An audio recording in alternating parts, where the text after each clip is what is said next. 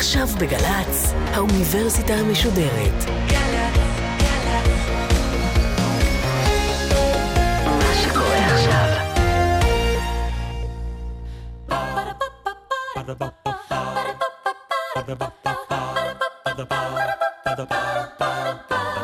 האוניברסיטה המשודרת בשיתוף מיזם וויז מציגה המדען העירום. מיטב החוקרים בישראל בשיחה עם בן שני אחד על אחד מול קהל. והפעם שיחה נוספת עם הפרופסור אוהד בירק מנהל המכון הגנטי במרכז הרפואי סורוקה וראש המכון הלאומי לביוטכנולוגיה בנגב באוניברסיטת בן גוריון על הגנטיקה של המחלות. עורכת ראשית מאיה גאייר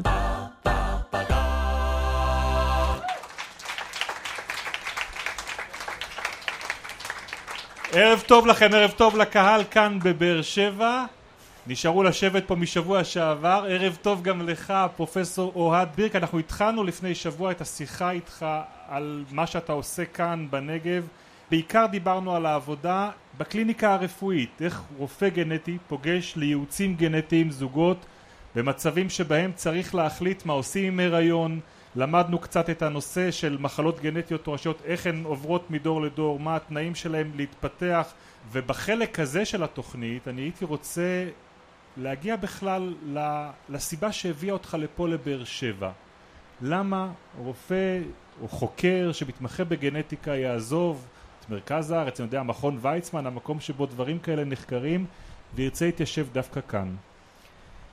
הנגב הוא מקום מופלא מופלא בהרבה דברים, בין השאר הוא מופלא באוכלוסייה שלו. יש כאן מרכז רפואי אחד, סורוקה, שמשרת קרוב למיליון איש. כולם מגיעים לאותו מרכז רפואי שמבחינת גנטיקה זה נכס אדיר, כי אתה והבן דוד השלישי שלך מגיעים לאותו מקום, לאותו מאגר נתונים. האוכלוסייה היא גם מאוד ייחודית, יש כאן קרוב ל-800 אלף יהודים, שחלק ניכר מהם אינם אשכנזים, ואנחנו עוד נדבר על זה שבעצם יש המון עבודה בתחומים האלה, והאוכלוסייה הבדואית של מעל 200 אלף איש שמתחתנים עם בני דוד ראשונים או שניים, 60 אחוז מהנישואים ו-80 אחוז מהנישואים הם בתוך אותו שבט, כששבט הוא בין 2,000 ל-10,000, 20 אלף איש. הנישואים בתוך השבט הם לא רק בדור הזה, הם ב-200, 300, 400 לפעמים שנה האחרונות. השילוב של זה עם נישואי הקרובים מביא לזה שיש מחלות גנטיות בשכיחות שנדירה בעולם. אה, אז יש כאן באמת, אה, אה, מבחינת הגנטיקה, השילוב של מחקר, ואני עושה לא מעט מזה, ורפואה, ואני עושה לא מעט גם מזה, השילוב הוא כל כך ברור וכל כך מיידי, שאין אין, אין כמעט מקום יותר מעניין לעסוק בזה בעולם. ואפשר להגיד שאתה נתקל כאן במחלות שלא רואים במרכזים רפואיים אחרים אפילו בארץ? ללא ספק. כמעט מדי שבוע, או, או אפילו כמה פעמים בשבוע, מגיעים אלינו חולים עם מחלות שלא תוארו בספרות הרפואית, שלא ידוע הסבר להם. אה, מדברים שהם אה, מחלות שחשוב למשפחות לדעת אותם ועד דברים שמהווים אה, עניין אינטלקטואלי כמו למשל קוצר ראייה שזה דבר שכיח בעולם אבל כשמופיעה לך משפחה שבה יש קוצר ראייה קשה והוא ללא ספק נגרם מפגם בגן אחד ואתה מצליח להגיע לגן הזה וזה הגן הראשון שמתגלה בעולם בכלל בהקשר של קוצר ראייה ואתה מתחיל להבין את המנגנונים שבו נבנית העין ואיך נוצר קוצר ראייה אז גם מבחינה אינטלקטואלית זה דברים אה, מופלאים. ויש המחלות הקשות, הקשות מאוד. יש למשל מחלה במגזר הבדואי ש, שנולדים לגמרי בריאים עם נסיגה שמתחילה בגיל חצי שנה ו, ובגיל שנה וחצי הם כבר אה, במצב של צמח מוחלט, חיים עד גיל שמונה, תשע, עשר ואז נפטרים ממשהו. כל אחד ממשהו אחר, וזו מחלה נוראית, וכאן אתה לא יכול לאבחן את זה בהיריון, אין שום דבר באולטרסאונד, לא רק זה, אפילו אחרי הלידה, האמא לא יודעת אם הילד בריא או חולה, אוקיי? וכאן היכולת שלנו, מעבדת המחקר, הגענו לגן ולמוטציה, ועכשיו זוגות בשבטים האלה נבדקים לזה, ואם נמצא שהם בסיכון של 25%, הם עושים בדיקה ב... חודש שלישי להיריון, והאסלאם הוא מאוד מעניין מבחינה זאת. לפי האסלאם עד 120 יום מותר להפסיק הריון. זו הדת היחידה שמרשה הפסקת הריון. אה, כי הנפש נכנסת לפי האסלאם לגוף ב-120 יום להריון, מה שמאפשר לנו לאבחן, והמחלה הזאת אה, הולכת ונכחדת, כמעט אין מקרים כאלה. עכשיו, זה, זה לא איזה, זה, זה תחושה מופלאה, ושוב, מצאנו את זה בשבט אחד.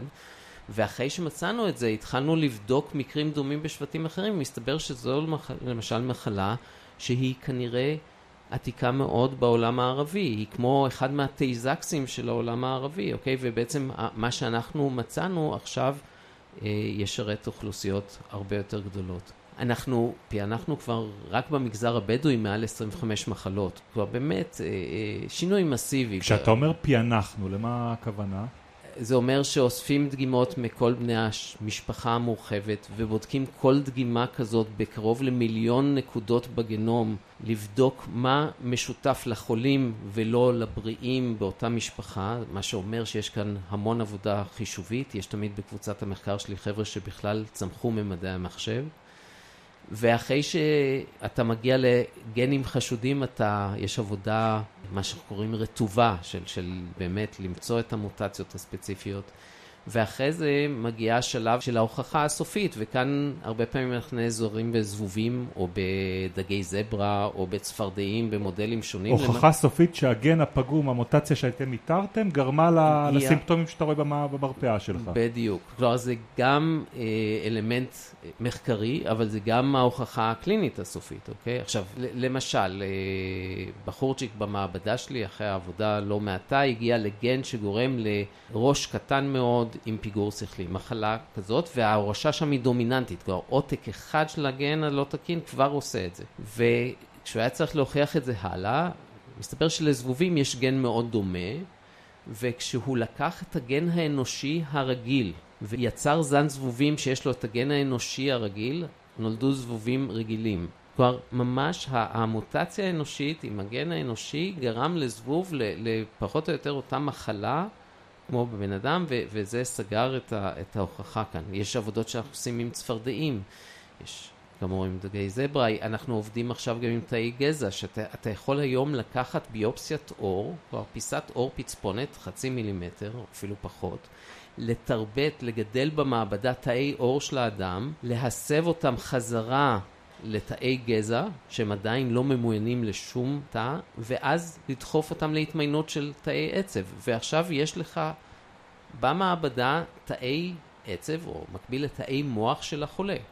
ואתה יכול להתחיל להבין מה קורה שם ביוכימית, ואולי אתה יכול להתחיל לחשוב על כיוונים טיפוליים, והכל מבוצע באותה מעבדה, כך שאתה יכול להוליך את זה מההתחלה עד הסוף, להגיע לתשובות אמיתיות. מצד שני, אנחנו גם בצד השני של הכביש עושים את הצד הקליני. אנחנו יושבים בבר על הרחוב הראשי בבאר שבע, מולנו בית החולים סורוקה, המרכז הרפואי, ולצידו האוניברסיטה. זה אומר שהחיבור בין שני המרכזים האלה אחד ליד השני מאפשר לך בעצם לפגוש בבית החולים משפחה שאתה מאתר במחלה גנטית ולהעביר את, את התאים שאתה לוקח שם ישר אל, למחקר באוניברסיטה. נכון מאוד, והיפה הוא בסופו של עניין להחזיר את זה חזרה לצד הקליני, ו, ויש לנו צוות גם בקהילה. אה, אנחנו מחזיקים צוות של מעל עשר אחיות דוברות ערבית במגזר הבדואי. מה הכוונה ו... להחזיר את זה לצד הקליני? לקהילה מציעים אחרי זה על חשבון משרד הבריאות בדיקות סקר חינם למחלות שגילינו. תראו, במחקר רפואי,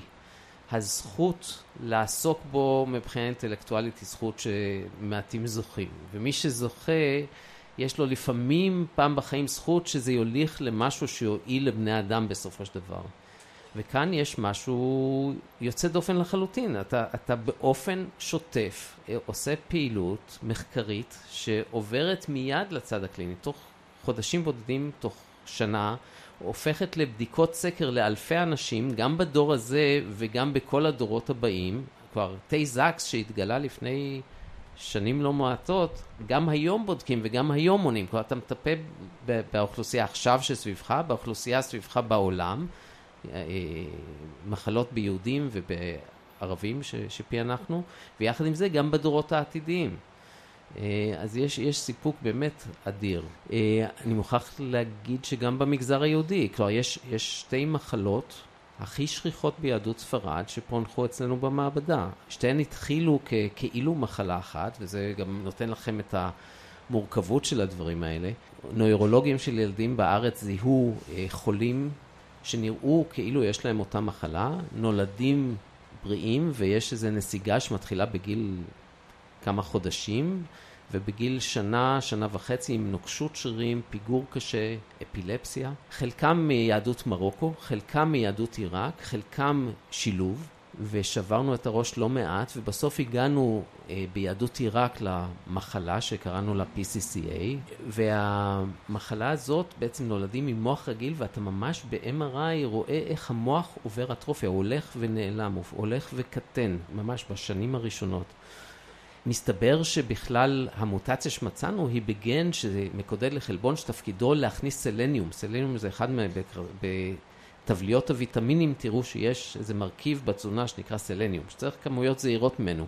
אבל בלי הגן הזה, הסלניום, לא משנה כמה נאכל, הוא לא מתפקד, הוא לא נכנס לתוך אה, חומצת אמינו, איזושהי אבן בניין של חלבונים שקריטית לאיזה 25 חלבונים אה, במוח.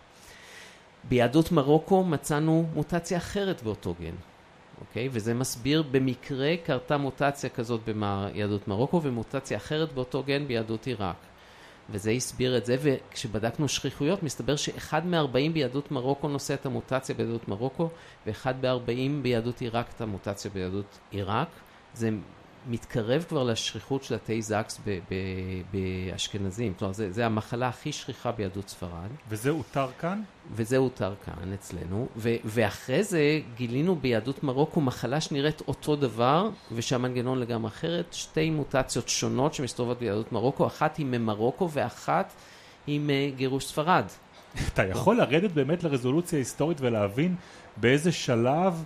אולי הקהילות האלה נפגשו? א', ההיסטוריה מלמדת אותך, ב', אתה חוזר למשפחות והן מספרות לך, וג', אתה יכול כן ומה לראות... אתה מגלה? איזה מפגשים היסטוריים אתה מוצא? יש מפגשים מופלאים לפעמים. למשל, התחלנו לחקור עכשיו גם מה קורה ביהדות אתיופיה, והגענו במשפחה אתיופית עם מחלה קשה של מערכת העצבים, לגן ולמוטציה, והגיעה אלינו גם משפחה בדואית עם מחלה שנראתה דומה.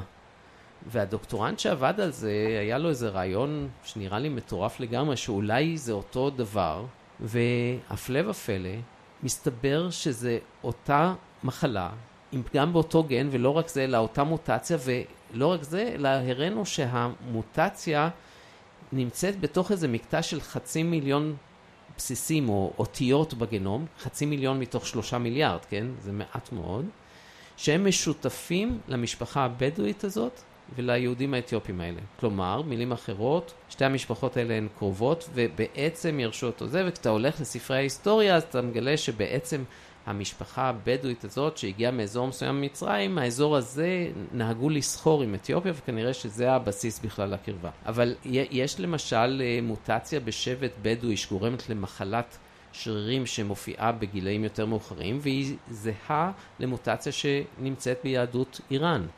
אוקיי? כל מיני חיבורים שאתה דרך הגנטיקה פתאום מגלה חיבורים היסטוריים שלא היית מעלה על זנב דעתך. דיברת על, ה, על המגזר הבדואי, דיברת על שבטים יחסית קטנים. הסטטיסטיקה גם מאפשרת ל, לאותן תופעות לקרות בקהילה הרבה יותר גדולה, זאת אומרת יהדות מרוקו, אתה מדבר על, על מאות אלפי אנשים. הקהילות היהודיות התחתנו בתוך עצמן כדי לשמר את היהדות. אה, דרך אגב, גם נישואי קרובים, בני דוד, היו נהוגים, גם ביהדות אשכנז, גם ביהדות מרוקו, גם ב... דרך אגב אפילו לא ביהודים, כן, ביפנים למשל, מסתבר שהיו לפני מאות שנים נהוגים מאוד נישואי בני דודים, זה דבר שהיה נהוג בכל העולם. כשלוקחים שני אנשים מאותה עדה, יש ביניהם איזושהי קרבת דם. אפילו אם אין להם בהיסטוריה המשפחתית שום זכר לזה, יש ביניהם איזושהי קרבת דם, בגלל שהקהילות האלה במשך מאות רבות של שנים התחתנו בתוך עצמם, והיוצאי דופן היחידים, וזה מאוד מעניין, זה יהדות אתיופיה. ששם הם מאוד הקפידו לבדוק כל נישואים שבעה דורות אחורה, שאין קרבה בין בני הזוג, וזה לא היה פשוט, כי זה אמר שהיה צריך להתחתן בין כפרים שונים. בארץ, עם כמו הרבה מהמנהגים של יהדות אתיופיה, חלו שינויים גם בזה, ואנחנו מתחילים לראות כבר נישואים שיש קרבה אולי שלושה או ארבעה דורות אחורה, ומתחילות לצוץ באמת המחלות הגנטיות הראשונות ביהדות אתיופיה, בעוד שבכל המגזרים האחרים אנחנו כבר נתקלנו במחלות הגנטיות. מה עושים בקהילות, למשל בציבור החרדי. הרי בציבור החרדי מצד אחד יש איזושהי החלטה שמרגע שנכנסים להיריון ייטו מאוד לא להפסיק את ההיריון אלא רק במקרים קיצוניים ומצד שני אתה אומר יש שכיחויות של מחלות גנטיות בתוך העדה. יש uh, לעדה החרדית uh, פתרון מופלא, משהו שנקרא דור ישרים. בני הזוג נבדקים לנשאות למחלות גנטיות, הם לא מקבלים את התשובות, הם חותמים על הסכמה שהם לא יקבלו את התשובות. התשובות מגיעות אל השדכן, והשדכן במגוון השיקולים שלו גם בודק ששניהם לא נשאים של אותה מחלה. הוא לא מספר להם. הוא לא מספר כדי להם. כדי לא לפגום בשידוך לניסיונות אחרים. בדיוק. וזה פתרון מופלא, דרך אגב הם עושים את זה גם בארץ וגם בניו יורק, כלומר גם בגלות וגם כאן, ועושים את זה כבר לא מעט שנים בהצלחה רבה. חברה שמצאה לעצמה פתרון שתואם את, ה, את הצרכים הדתיים של החברה הזאת. מה שעוד קרה בחברה הזאת זה שזוגות שלא ידעו ביום הנישואים וכן נולד להם ילד חולה ופעם היו במבוי סתום להריונות עתידים בגלל חוסר היכולת להפסיק הריון, שוב הרפואה האופטימית של העידן הזה שמאפשרת הריון מבחנה עם אבחון טרום השרשה, יש להם היום פתרון שהוא כשר לחלוטין מבחינת ההלכה. אבל אם, אתה, אם באמת אתה מוצא הסבר שמחבר בין קהילות מסוימות, הרי יש מחלות גנטיות שהגנים שגורמים להם משותפים ליהודי מפולין או לאפריקאי מקונגו, נכון? אה, נדיר. בואו נגיד ככה, ככל שמתרחקים יותר בנישואין ככה הסיכוי ששני בני הזוג יהיו נשאים לאותה מחלה הוא הרבה יותר קטן. מחלות שהן מחלות מוכרות בכל העולם. אנחנו מדברים על גן אה, לסרטן המעי הגס. כן, אבל אלה, אלה דברים שהם דומיננטיים, שמספיק עותק אחד ולא תלוי בבן הזוג מה קורה. כלומר, בהיריון רגיל של בני זוג, הסיכון לבעיה קשה בעובר הוא בסביבות 3%. בנישואי בני דוד זה עולה לקרוב ל-7%. בנישואי בני דוד כמו שיש במגזר הבדואי כאן, שזה לא רק נישואי בני דוד, אלא שבעצם זה דורות של נישואי בני דוד ונישואים בשבט, זה לפעמים עולה לעשרה, חמישה עשר אחוז ויותר, אוקיי? איפה הטבע שם את הגבול אפשר לראות בגילוי עריות. באח ואחות הסטטיסטיקה מראה שבערך חמישים אחוז מהצאצאים ימותו. כלומר, הטבע שם את הגבול נורא נורא ברור, שזה המונח גילוי עריות קיים בכל ה... תרבויות, ו, ו, והנה כאן יש משהו שמוכיח שאכן לא, לא לזה התכוון המשורר. לגבי נישואי בני דוד, אה, כבר יש אה, מגוון של, אה, יש כאן סיכון, אבל הוא גבולי בהשלכות התרבותיות, החברתיות שלו. יש ארצות כמו פינלנד שאוסרות על נישואי בני דוד. יש ארצות כמו ישראל שמתירות נישואי בני דוד. יש בארצות הברית מדינות שונות בתוך ארצות הברית שאסור בהן נישואי בני דוד ומדינות אחרות בתוך ארצות הברית שמותר בהן נישואי בני דוד. כלומר, על זה יש מגוון של uh, גישות בכל העולם. אם אני מבין נכון, אתה אומר שבעצם העובדה שאתה נמצא כאן, במיוחד באזור של הסביבה הבדואית, שבה אתה אומר יש לך אפשרות גם למצוא קבוצה של אנשים שחולים באותה מחלה וגם אולי קבוצת ביקורת לצידה כדי שתוכל להשוות את הגנום ולראות איפה באמת uh, הגנים הפגומים.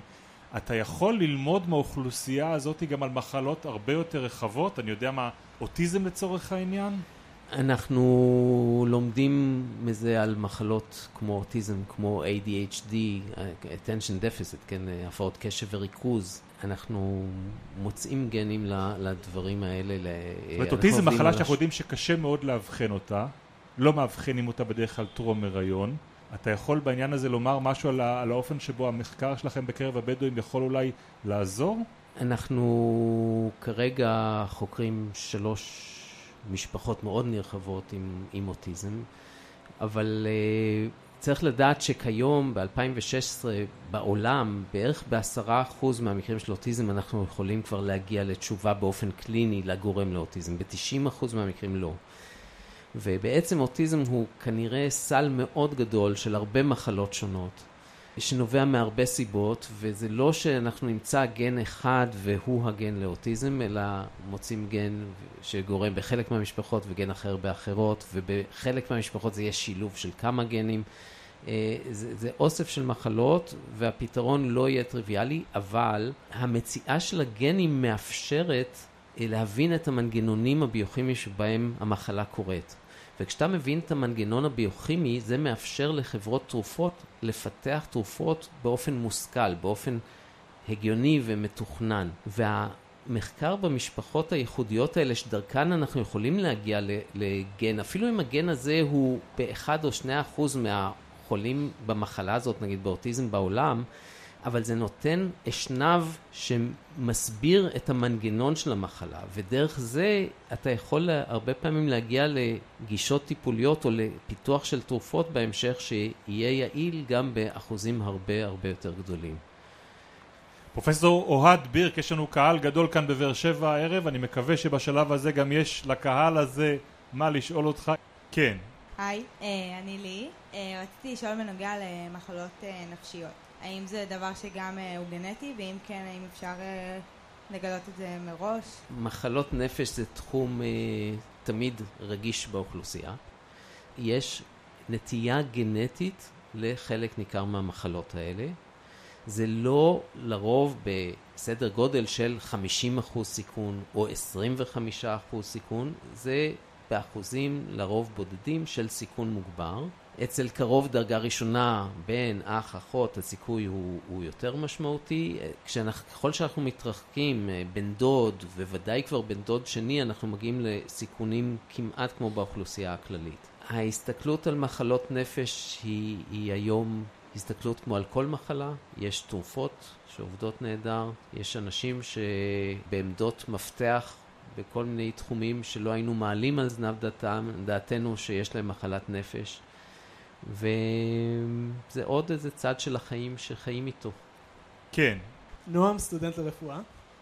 היום שבו אה, רפואה ציבורית יהיה ריצוף גנטי לכל אה, אחד ואחד מאיתנו, אם זה איפשהו באופק, ואם יש תרופות שיכולות להיות מוכוונות גנטית אה, בעצה ככה לקהל הרחב בתקופה הקרובה או בעתיד.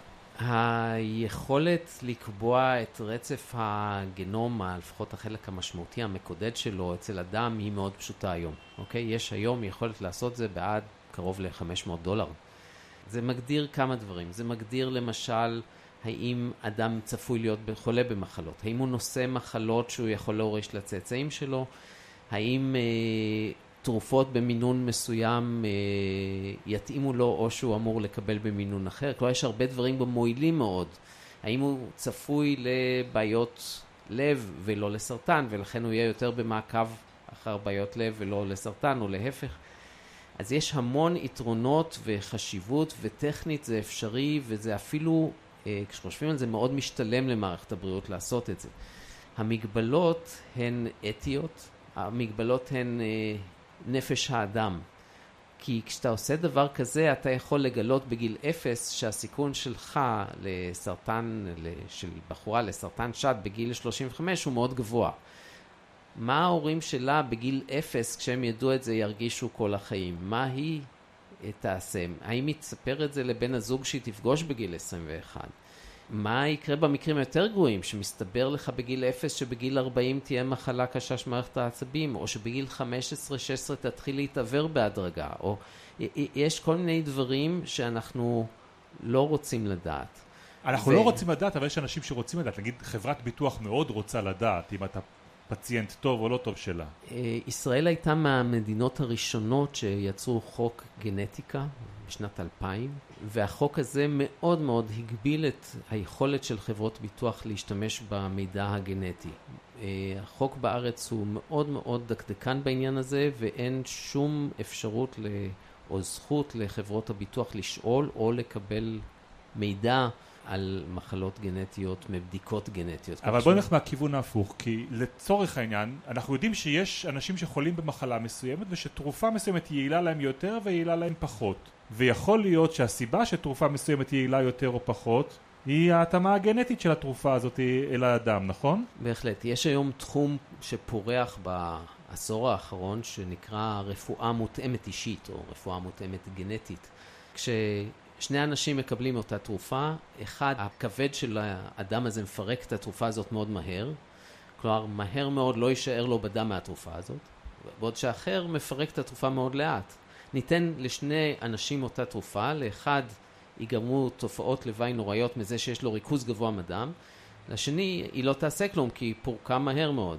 נכון להיום אנחנו נותנים את התרופות ונותנים לכולם אותה תרופה ובעצם יש כבר היום אפשרות טכנית וזולה. אפשר היום לבדוק את האנזימים המרכזיים שמפרקים אה, תרופות בכבד במחיר של 100-200 שקל, לבדוק את השונות הגנטית, האם האדם מפרק מהר או לאט, ולהתאים את המינונים של התרופות לפי זה. זה קיים מחקרית כבר בערך עשור או יותר. זה קיים טכנית ובזול כבר שנים, אה, ארבע, חמש שנים, וזה עדיין לא נכנס לרוטינה. למה? למה? כי מערכות רפואיות הן מערכות מאוד כבדות, הן, הן זזות לאט. צריך כאן אה, הסכמה של קופות החולים, וצריך את המימון, וצריך את ההסכמה, וצריך את השיקולים האתיים והמשפטיים. אבל יכול להיות שגם חברת התרופות שמחזיקה את המידע הזה, כי עשתה מחקר על כל התרופות האלה בשלבים ה... בשלבים הניסויים שלהם, לא רוצה לחלוק את המידע הזה עם האוכלוסייה כי היא רוצה פשוט למכור יותר תרופות?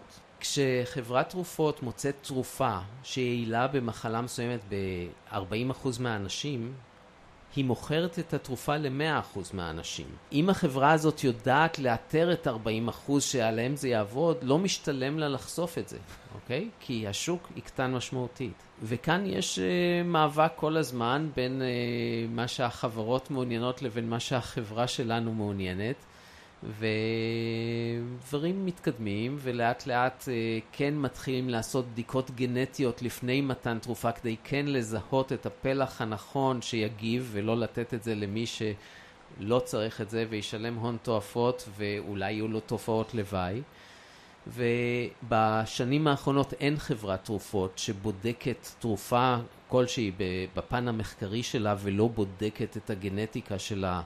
מי שמשתתף בניסויים ומנסה לזהות ולאתר את הפלח של האוכלוסייה שיגיב לתרופה הזאת. כמה היא חושפת את זה וכמה לא, אה, זה בידי החברה. שאלה נוספת כאן? אה, היי, אה, קוראים לי נועה, סטודנטית לאנימציה, לא לרפואה. רצינו לשאול אם יש לתכונות אופי מרכיב גנטי. כל הורה יודע שלתכונות אופי יש מרכיב גנטי. לא צריך להיות חוקר בשביל זה, אתה אומר. אה, כן, אתה נולדים לך ילדים, ומאוד ברור מהיום, מהחודשים הראשונים שיש להם אופי שונה ואתה מזהה את זה.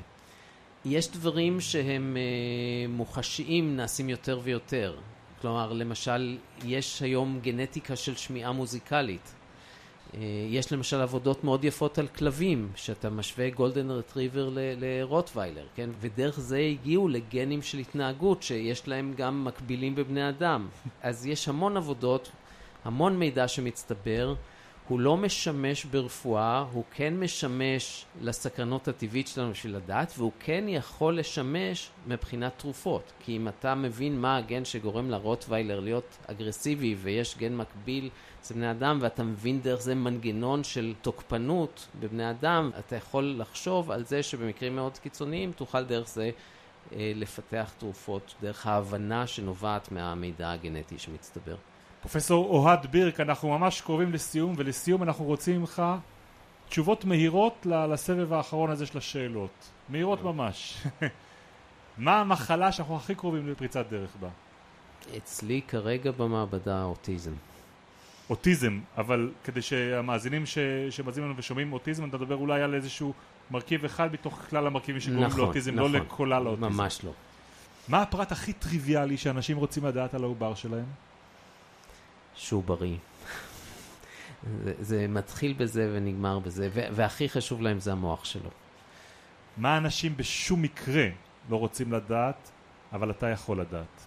אה, דברים לטווח ארוך, דברים אה, גבוליים, דברים שהם לא שחור לבן. אנשים, לפעמים אנחנו חושפים בטעות, או לא בטעות, במקרה. כלומר, אדם עשה בדיקה בהיריון למשהו, ו- ו- ונמצא משהו גבולי, ואנשים אוכלים את הלב בכלל שמצאנו את הדבר הזה, ולנו מבחינה חוקית אין לנו ברירה אלא לספר. הדברים הגבוליים של החמישה אחוז, עשרה אחוז סיכון למשהו, הם דברים נוראים ש- שאנשים לא רוצים לדעת. וברמה של מספר, נאמר, תוחלת חיים, זה דבר שאתה גם יודע אחרי שאתה עושה בדיקה כזו? אה, בסוף נדרסים כאן בכביש בינינו לסורוקה, אתה יודע, כאילו, תוחלת כן. חיים זה דבר גמיש. הזכרת קודם את הקיט שאפשר באמצעותו כבר לבדוק לכל אחד את הפרופיל הגנטי שלו. אתה את שלך כבר ריצפת, בדקת? אני את שלי לא בדקתי, אני יודע שאני אמות בוודאות ואני רוצה להשאיר לי לא מעט סקרנות של מתי, איך ולמה. אז נשאר סקרנים בסוף השיחה המרתקת הזאת. תודה רבה רבה לך, פרופסור אוהד בירק. תודה גם לעורכת שלנו, מאיה גייר, למי שערכה את ההפקה ואת התחקית התוכנית הזאת, אביגיל קוש, ולתום נשר שסייעה לה, לטכנאים שלנו, בני יהודאי ובן קטן. תודה נוספת לעדן ספקטור, לשותפים שלנו בעמותת וויז, השותפים שלנו במדען העירום, תעקבו אחריהם ואחרי דף הפייסבוק של האוניברסיטה המשודרת, ועד הפעם הבאה, כאן מבאר שבע, לילה טוב לכם. Ba-da-ba-ba-ba. Ba-da-ba-ba-ba. Ba-da-ba-ba-ba. Ba-da-ba-ba-ba. האוניברסיטה המשודרת, המדען העירום. בן שני שוחח עם הפרופסור אוהד בירק, מנהל המכון הגנטי במרכז הרפואי סורוקה וראש המכון הלאומי לביוטכנולוגיה בנגב באוניברסיטת בן גוריון על הגנטיקה של המחלות. אורחות ומפיקות אביגיל קוש ותום נשר. מנהלת תוכן מאיה להט קרמן. עורך דיגיטלי נדב הלפרין. האוניברסיטה המשודרת, בכל זמן שתרצו, באתר וביישומון של גל"צ וגם בדף הפייסבוק של האוניברסיטה המשודרת. חוזרת.